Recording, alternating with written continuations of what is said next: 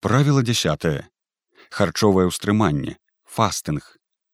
Харчовае ўстрыманне пост перыядычнае галаданне далей фастынг гэта добраахвотнае свядомае абмежаванне ежы для дасягнення пэўных вынікаў на пэўны тэрмін.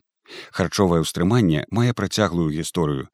Яго выкарыстоўвалі для духоўнага удасканалення паляпшэння работы мозгу валявой загартоўкі Цяпер часцей за ўсё фастынг выкарыстоўваецца як інструмент для паляпшэння метабалічнага здароўя у першую чаргу для пахудання. Ён звязаны найперш з рэжымам харчавання, але непазбежна прыводзіць да зніжэння колькасці калорыяў. Я не рэкамендую фастынг працягласцю больш за 24-36 гадзінаў раз на тыдзень для большасці людзей. Даўжэйшае харчовае ўстрыманне павінна праходзіць пасля кансультацыі адмыслоўца або пад медычным назіраннем. Наш арганізм схільны назапашваць калорыі на чорны дзень, як мядзведь на зіму. Мядзведь набірае шмат тлушчу, але затым засынае і спальвае яго. А людзі часта ядуць бясконца, а вось зіма і спячка так і не надыходзяць. І як мядзведь шатун мы блукаем тоўстыя і санлівыя. І гэты тлушч і ўсё назапашанае пачынаюць дзейнічаць супраць нас. Фастынг гэта як маленькая зіма, якая дазваляе нам скінуць баляст і пачаць пачувацца лепш. Як з'явілася праблема? Здавён даўна, калі нашы продкі вялі лад жыцця паляўнічых збіральнікаў, яны ўвесь час сутыкаліся з праблемай нерэгулярнага доступу да ежы. Перыяды ўдалага палявання, калі ежы было шмат, спалучаліся з перыядамі голаду, сухмель, бясплённае паляванне або збіральніцтва і іншае. Пры гэтым пошук ежы суправаджаўся прыкметным узмацненнем фізычнай актыўнасці. Такое спалучэнне прывяло да рэгулярных цыкляў голад балявання. Гэтыя старажытныя адаптацыі прывялі да фармавання сквапных генаў, якія рэгулююць як наш метабалізм, так і фізычную актыўнасць. Такая цыклічная даступнасць ежы заснаваная на рабоце гармонаў лептыну і інсуліну. Лептын гэта галоўны гармон, які кантралюе энергетычны балянс. Ён дазваляе захоўваць энергію ў той час, калі ежа недаступная, уключаючы рэжым дэфіцыту. Частай праблемай людзей сёння з'яўляецца парушэнне адчувальнасці да лептыну, што прыводзіць да шэрагу захворванняў, ад хранічнай стомленасці і дэпрэсіі да праблем са шчытападобнай залозай, шчытавіцай і фертыльнасцю. Добрая адчувальнасць да лептыну дазваляе падтрымліваць структуру цела, пазбягаючы адкладаў вісцеральнага унутранага тлушчу лептынавы цыкль мае пэўную асіметрыю. Яго ўзровень вельмі хутка падымаецца ў час яды, затым павольна падае па меры яе адсутнасці. Перыядычны фастынг дапамагае аднавіць адчувальнасць да лептыну. Аднак пачынаць лепш вельмі паступова, бо людзям з нізкай адчувальнасцю да лептыну працяглы фастынг проціпаказаны. Харчовае ўстрыманне выкарыстоўвалі для духоўнага ўдасканалення, паляпшэння работы мозгу валявой загартоўкі. Сёння часцей за ўсё да фастынгу звяртаюцца з мэтай паляпшэння метабалічнага здароўя і пахудання. Цяпер мы ў сітуацыі, калі сутыкаемся з пастаянным доступам да высокакалярыйнай ежы. Гэта прыводзіць да таго, што нашы сквапныя гены нястомна назапашваюць пажытак на зіму на голад, але такія часы не наступаюць. Праз гэта губляецца адчувальнасць да лептыну і інсуліну інсулінарэзістэнтнасць цягліцаў печані тлушчавай тканкі небяспечныя праблемамі са здароўем. І можа выяўляцца не толькі ў атлусценні але і ў шэрагу іншых праблемаў. Ад артэрыяльнай гіпертэнзіі да сіндрому полікістозных яечнікаў. Цыклічнасць актуальная не толькі на ўзроўні гармонаў але і на ўзроўні клетак. Напрыклад клеткавы сігнальны шлях мторг аптымальна павінен працаваць у перарывістым рэжыме Калі мы яму, ён актывуецца. Гэта дапамагае клеткам сінтэзаваць новыя рэчывы, расці. Але ўвесь час на яго актывацыя прыводзіць да назапашвання клеткавага смецця, узмацнення запалення, заўчаснага старэння, павелічэння рызыкі анкалогіі і аўтаімунных хваробаў. А вось рэгулярны фастынг, асабліва ў спалучэнні з фізычнай актыўнасцю, змяншае актыўнасць мторг. Яго нізкая актыўнасць уключае механізм аўтафагіі, самаачышчэння клетак, зніжэння запалення. Як бачыце, такая цыклічнасць закладзеная ў нашым целе і датрыманне яе важны прынцып захавання здароўя. Як гэта ўплывае на здароўе? Аўтафагія і мторг. Фастынг змяншае актыўнасць эмторг і паскарае працэс аўтафагіі, што важна для запаволення старэння, паляпшэння ўзнаўлення клетак, падаўжэння жыцця ды іншых карысных эфектаў. Гармоны. Фастынг павялічвае ўзроўні грыліну і гармону росту, якія станоўча ўплываюць на шмат якія органы і сістэмы. Зніжаецца ўзровень інсуліну, лептыну і павышаецца адчувальнасць да іх. Таксама падае ўзровень гармону IGF1 што многія даследчыкі звязваюць са зніжэннем рызыкі анкалагічных захворванняў і падаўжэннем жыцця. Але, на жаль, працяглы фастынг можа ўздзейнічаць і негатыўна, змяншаючы ўзровень палавых гармонаў і гармонаў шчытавіцы. Праўда, гэтыя рызыкі вялікія толькі пры працяглым галаданні больш за 72 гадзіны, асабліва з падвышанай фізычнай актыўнасцю. Пры высокім узроўні стрэсу можа падвышацца ўзровень картызолу, які падчас фастынгу негатыўна ўплывае на цягліцы імунітэт і фастынг. Кароткачасовы фастынг мадулюе актыўнасць імуннай сістэмы ў некалькіх кірунках. Ён палягчае сімптомы большасці аўтаімунных захворванняў астма рэўматоідны артрыт рассеяны склероз.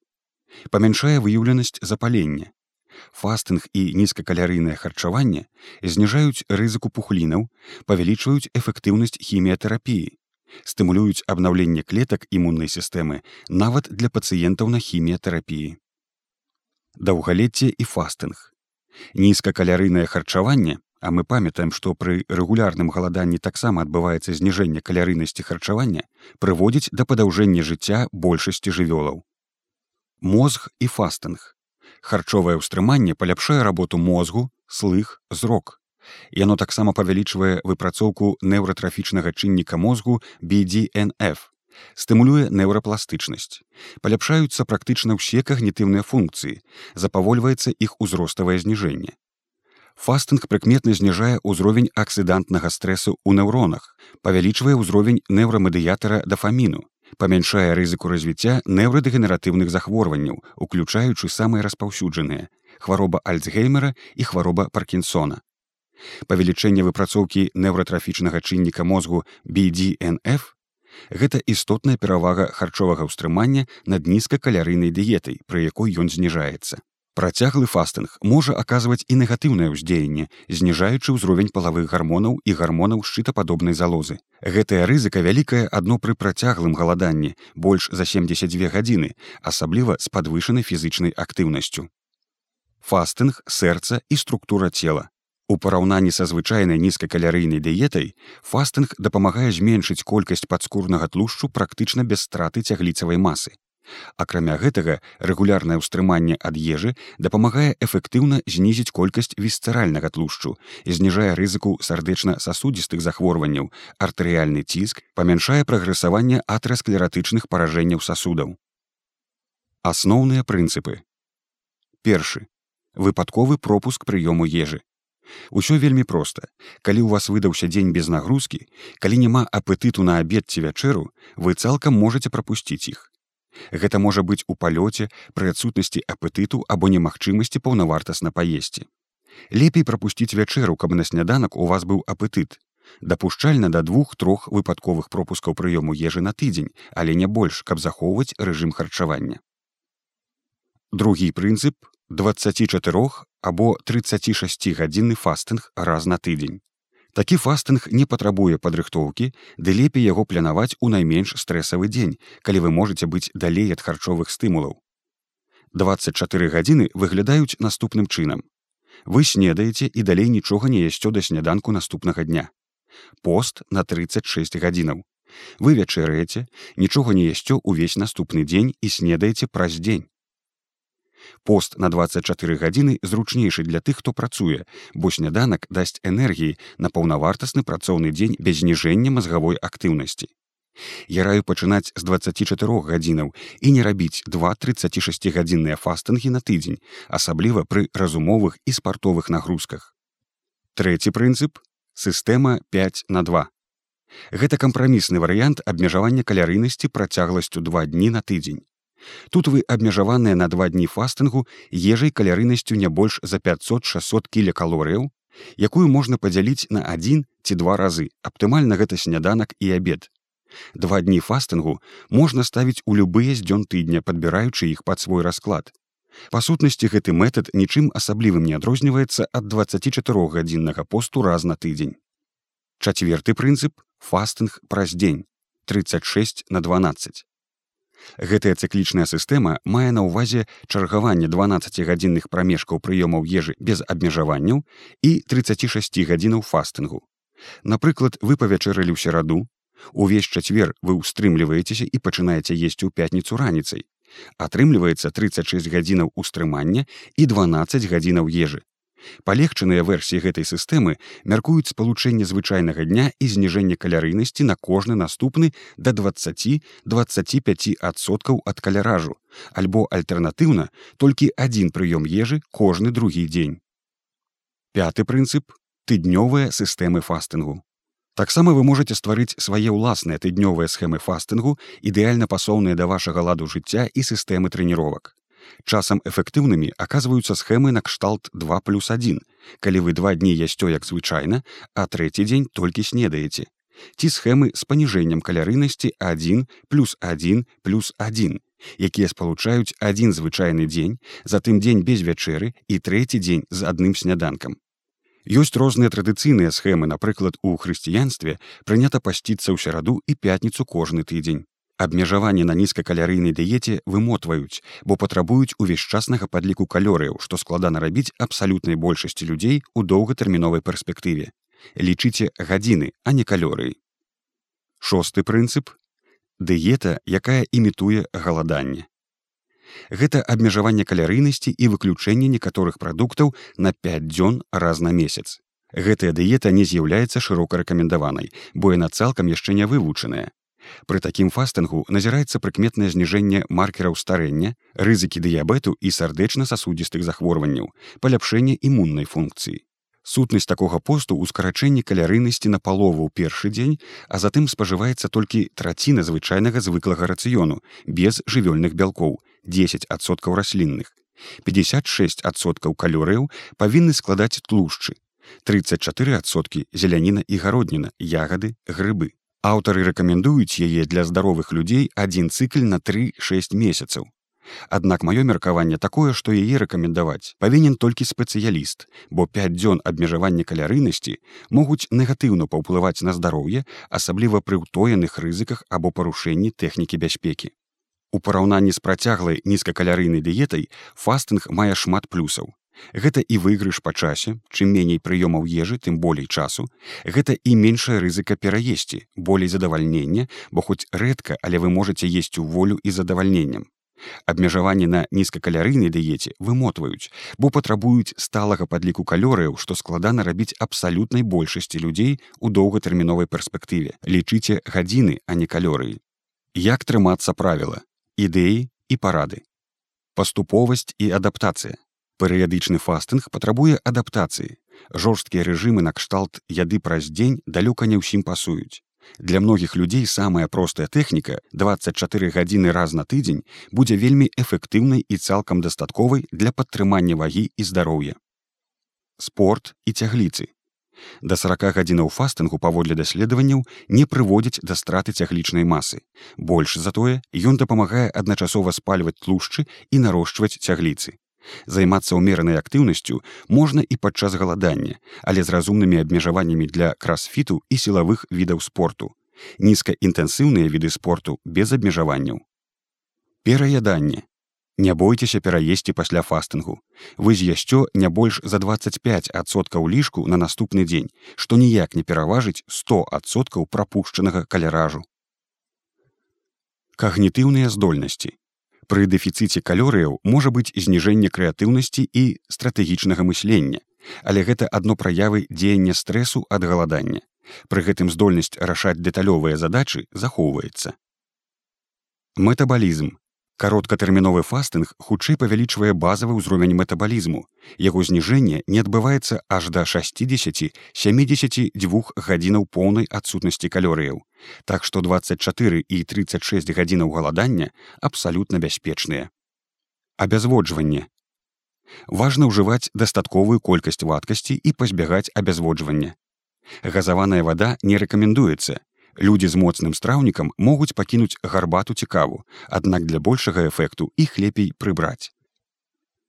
Кароткатэрміновы фастынг хутчэй павялічвае базавы ўзровень метабалізму. Яго зніжэнне не адбываецца аж да 60-72 гадзінаў поўнай адсутнасці калорыяў. Так што 24 і 36 гадзінаў галадання абсалютна бяспечныя.